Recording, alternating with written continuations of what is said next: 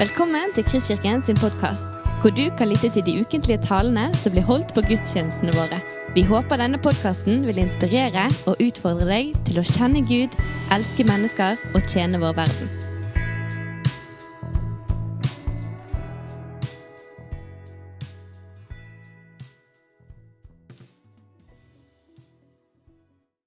Eh, Vi pleier jo å, eh, å veksle litt på opplegget i forkynnelsen her i menigheten. Nå i 2021 så har vi jo faktisk eh, gjort noe som vi gjorde i 1989 sist gang, nemlig å forkynne oss gjennom et helt bibelsk evangelium. Markusevangeliet. Der har vi vel to episoder igjen, tror jeg, før eh, advent. Andre ganger har vi tematiske serier, enten det er om et bibelsk emne, sånn som nåde eller frelse, eller om noe som er aktuelt i tiden. Eh, Sånne serier blir det flere av i 2022. Men så har vi òg sett oss ut noen søndager i løpet av kirkeåret der vi lar forkynnelsen dreie seg om den, den teksten som er satt opp for den dagen. Det gjør vi når det er jul og påske og pinse og noen andre kirkelige høytidsdager. Og i dag er det en sånn dag. Vi skal lese teksten for alle helgens dag. Før vi gjør det, så vi husker at Kirkens eh, martyrer, de som måtte dø for sin tro, det var de som ble kalt helgener. Det var ikke fordi de var eh, hellige i seg sjøl på noen annen måte enn vi er det, men, og nå siterer jeg fra Bibelselskapets nettsider, de ble kalt helgener fordi livene deres vitnet om Jesus og en kjærlighet som ikke engang lot seg stoppe av vold og død.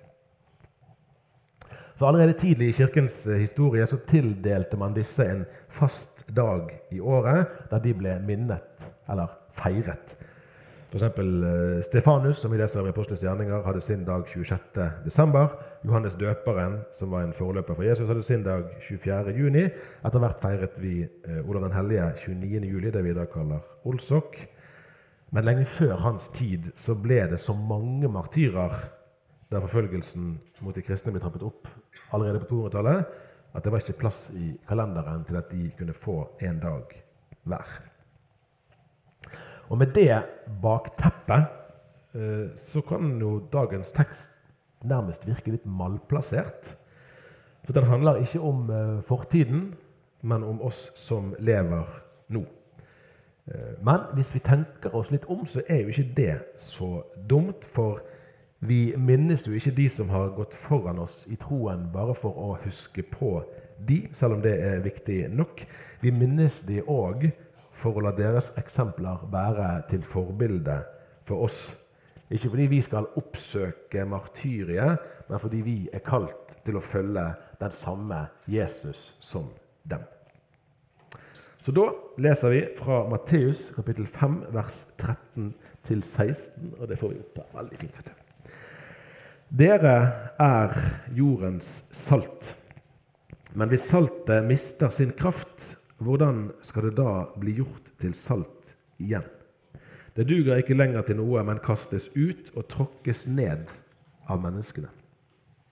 Dere er verdens lys. En by som ligger på et fjell, kan ikke skjules. Heller ikke tenner man en oljelampe og setter den under et kar. Nei, man setter den på en holder, så den lyser for alle i huset. Slik skal deres lys skinne for menneskene, så de kan se de gode gjerningene dere gjør, og prise deres Far i himmelen. På allehelgensdag i fjor gikk jeg en tur på gravene til mine besteforeldre. De siste årene har vi prøvd å få med oss barna på det som er deres oldeforeldres eh, graver. på den dagen her. Det syns jeg er en god skikk i grunnen. Eh, både Elin Konstanse og jeg kan med takknemlighet fortelle barna våre at eh, våre besteforeldre var troende kristne. Dermed kan vi helt konkret snakke med barna våre om de som kristne forbilder for både oss og våre etterkommere. Akkurat sånn er det jo ikke for alle, men kanskje kan man finne Kristus like trekk å la seg inspirere av, og hos de av våre kjære som ikke lenger er blant oss. I fjor så klaffet det ikke helt det opplegget med en tur for hele familien som gikk alene. Det hadde blitt eh, tidlig kveld. Sekstiden, tror jeg det var. Det var mørkt, og det regnet litt. Det er kanskje sånn som er i dag, om noen timer ca. Eh, men på kirkegårdene så var jo mange lys tent denne dagen. Og jeg måtte stoppe opp litt på veien til de gravene jeg skulle besøke, og ta inn inntrykkene av de mange da, som enten var der, eller som hadde vært der i løpet av dagen, for å tenne lys til minne om noen andre. Elin Konstanse, min kone altså, som var misjonær i Polen i noen år, eh, forteller om hvor massivt inntrykket der kunne være av lysene på kirkegårdene. I katolske land er tradisjonen med å tenne lys på gravene sterkere enn den er hos oss. Hvordan vi ser på døden, forteller oss noe grunnleggende om hvordan vi ser på livet. Det er noe å tenke over. Og det skulle angå oss alle. Reformatoren Martin Luther, som levde på 1500-tallet, han opplevde at hans 13 år gamle datter Magdalena døde. Og Da skal han ha sagt følgende Jeg er glad i ånden, men min jordiske form er veldig trist. Han visste at han kunne være glad for at uh, datteren var forent med Kristus, men kunne likevel ikke rømme fra sorgen. Og Mange kan nok kjenne seg igjen i akkurat den dobbeltheten. Dødens realitet er et felles livsvilkår for alle mennesker, uavhengig av når vi lever, eller hvor vi lever, eller hvilken Gud vi tror på, eller om vi tror på noen Gud i det hele tatt. Og Derfor er det interessant å studere hvordan mennesker i ulike situasjoner forholder seg nettopp til døden. Egentlig var det et radikalt brudd med det bestående når man i etterkant av reformasjonen avskaffet tanken om skjærsilden. Fra da av var det kun en todeling sant, mellom frelse og eh, fortapelse. Man fjernet den mellomposisjonen som skjærsilden inntil da hadde hatt. Eh, og Med det kuttet man jo en slags sånn forbindelseslinje mellom de levende og de døde, som òg fantes i førkristen tid her i landet. Men Én ting er jo hva Kirken offisielt lærer, noe annet kan være hvilke tanker og holdninger som rører seg blant folk og blant kirkegjengere. Og Derfor er det interessant å legge merke til hvor ofte vi i våre dager opplever at etterlatte snakker til den døde i begravelser, ikke bare om. Men allerede i det andre århundret etter Kristus kan vi lese at kristne samlet seg ved graven til biskop Polikarp av Smyrna, en av menighetene som får brev adressert til seg i begynnelsen av Johannes' åpenbaring.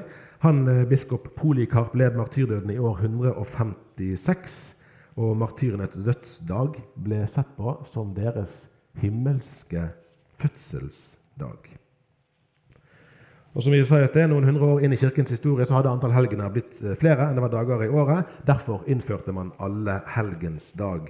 Den ble altså ikke avskaffet ved reformasjonen. Men vi skal ha litt sånn eh, teologihistorie helt kort for å plassere dette. her. Man understreket at det er godt og rett å løfte frem minnet om de hellige, nemlig for at vi skal etterligne deres tro og deres gode gjerninger hver etter sitt kall. Det kan vi være enige om, tror jeg. Men Skriften lærer oss altså ikke å påkalle de hellige eller be om hjelp fra de hellige, for den holder frem Kristus alene som mellommann Forskningsmiddel, det tror jeg var en skrivefeil. Ja, det var jo det jeg har oppdaget før, for å si det sånn. Ja, ja. Men man må gjerne forske på Kristus. Virkelig. Ypperste prest og talsmann for oss.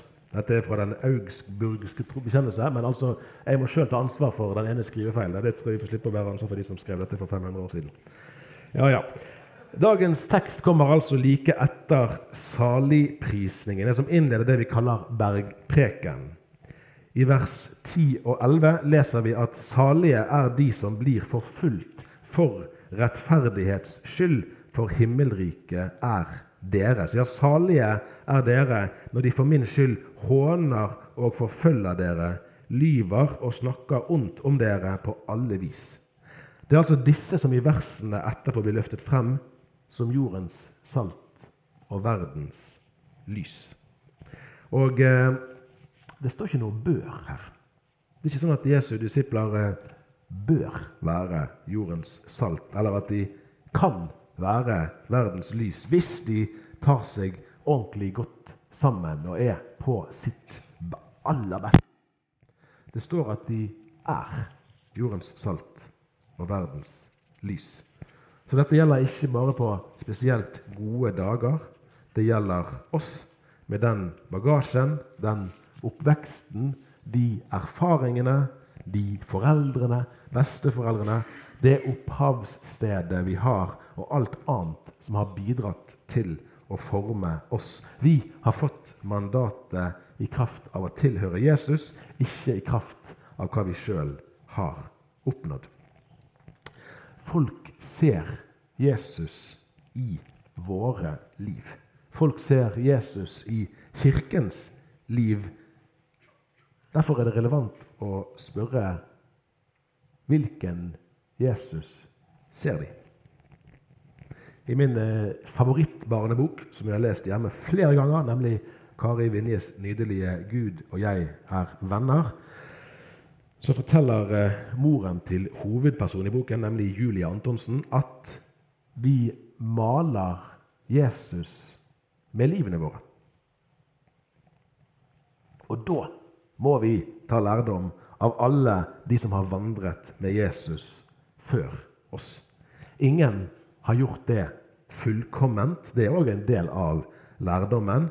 Men mange har gjort det trofast, alltid avhengig av Guds nåde. Det er den som gjør rik. Så det er altså de avdøde troende, de som har gått foran oss inn i det vi med et gammeldags ord kan kalle fullendelsen, de skal være våre jordiske forbilder. Min tidligere sjefredaktør Odd Sverre Hove skrev i dagen nå før helgen at nemlig, de er bibelsk kristendoms sanne helgener, altså de avdøde troende. Sammen med Guds ord skal de kalle oss til frelse og helliggjørelse. Og Det er altså sammen med disse at vi får mandat til å være jordens salt. I utgangspunktet er vi ikke det, men vi blir tildelt en ny status. Salt som eh, bilde på vi kan kalle det bevaringskraft, var vel kanskje enda mer nærliggende for de som hørte Jesus snakke den gangen. De hadde verken kjøleskap eller fris eller E211 eller hva det er for slags konserveringsmidler de bruker. Men vi er jo slett ikke ukjent med salt i våre dager heller. Men eh, når jeg ble sammen med Elin Konstanse, så oppdaget jeg til min store overraskelse at hun av og til kunne si eh, nå må jeg ha noe salt. Eh, for meg var det nærliggende å si nå må jeg ha noe søtt. Det virket helt fremmed å skulle oppsøke det salte. Det var nok bare ett av mange trekk på manglende modenhet fra min side. Og det har faktisk forandret seg litt med eh, årene, tror jeg. Eh, men, eh, og det kan være nyttig å avklare det at helt konkret er det sånn at, eh, at salt ofte egner seg best i små doser. Når jeg spilte fotball i ungdommen, så var det en gang vi var med i en Sandefjord Cup midt på sommeren. Det var veldig varmt og viktig å få drukket nok. Og For å være ekstra hyggelig så sørget treneren for at uh, drikkeflasken ikke bare ble fylt med vann, men òg med saft.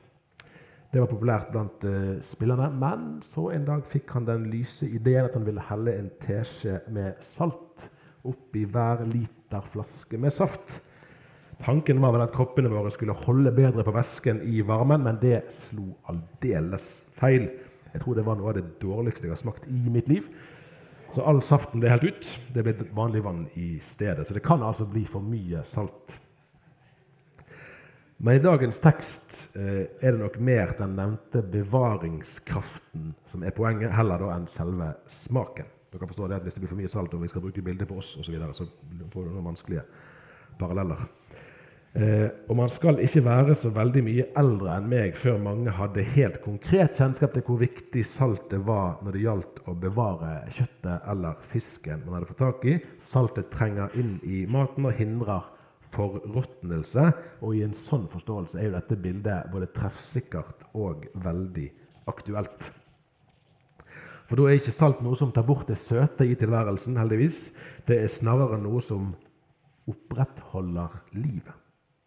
Så det å være salt i fellesskapet av mennesker, det handler om å hindre dette fellesskapet fra å, å råtne, eh, åndelig talt.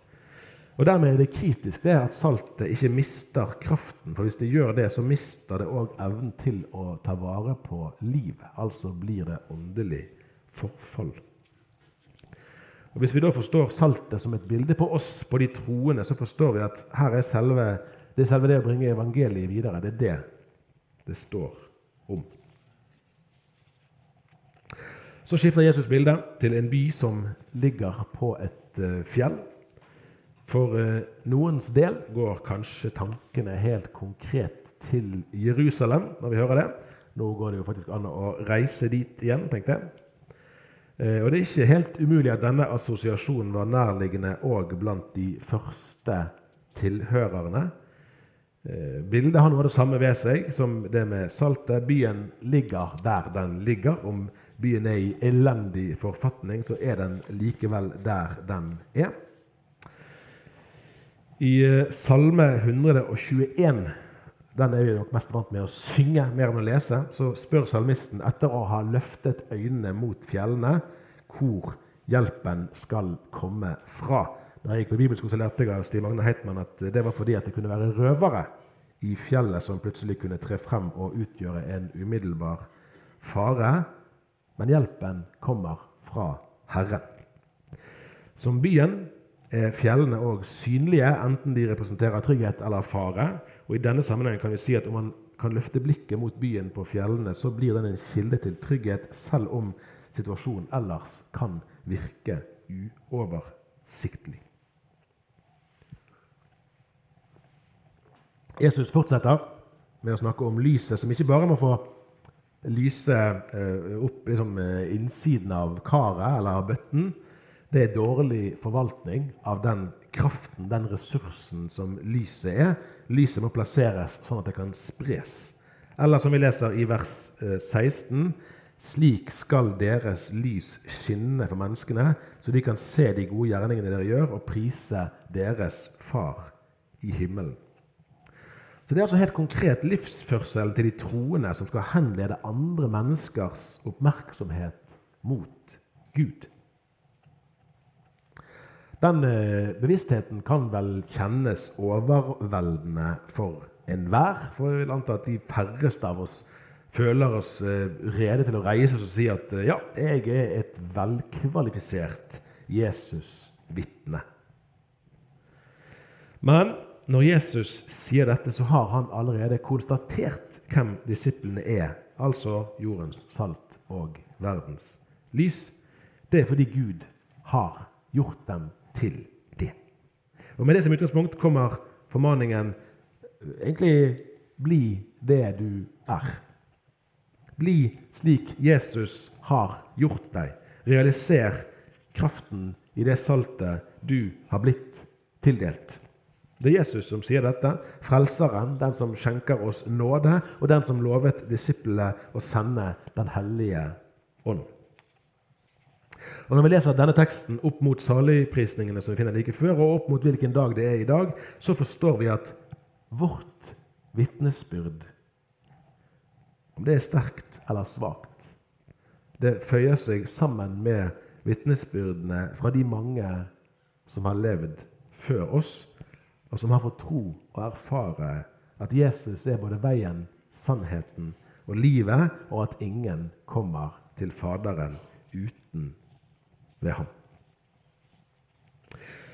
Vi snakket om at døden er et felles livsvilkår for alle.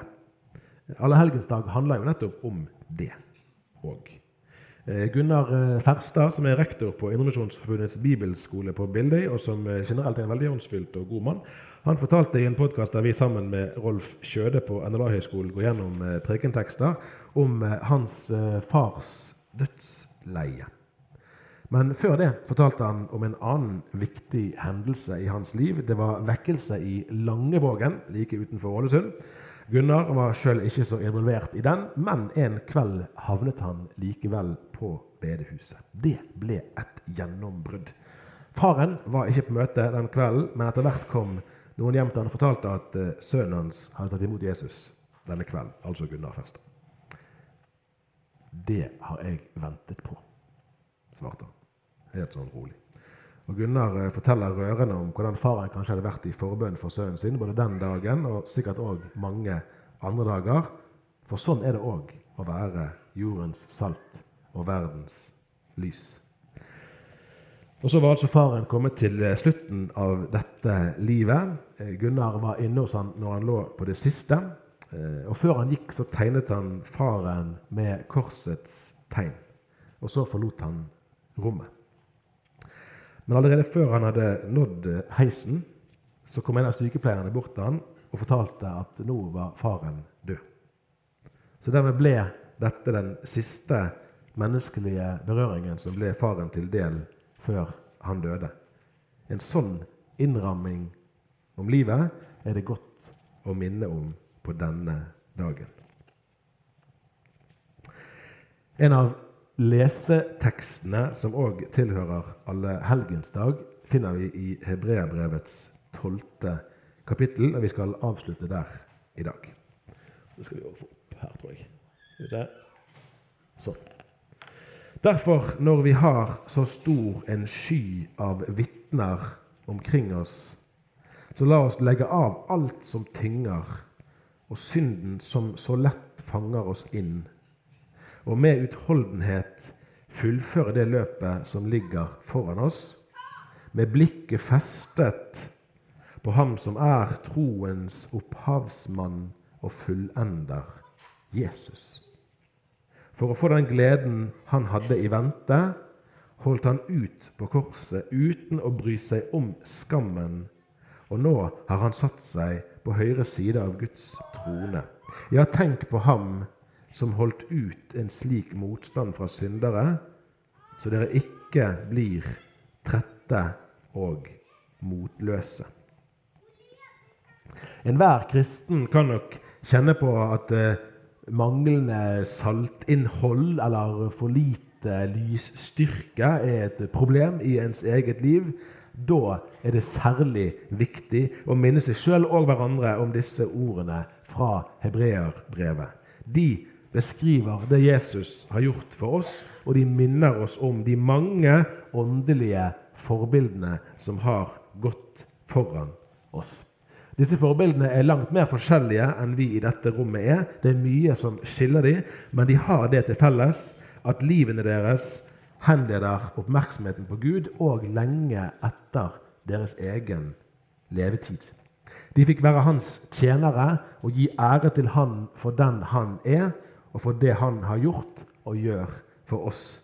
Derfor er allehelgensdag aller mest en anledning til å takke Gud for hans nåde og trofasthet, slik den har vist seg gjennom årtusener, og slik den fortsatt viser seg i dag.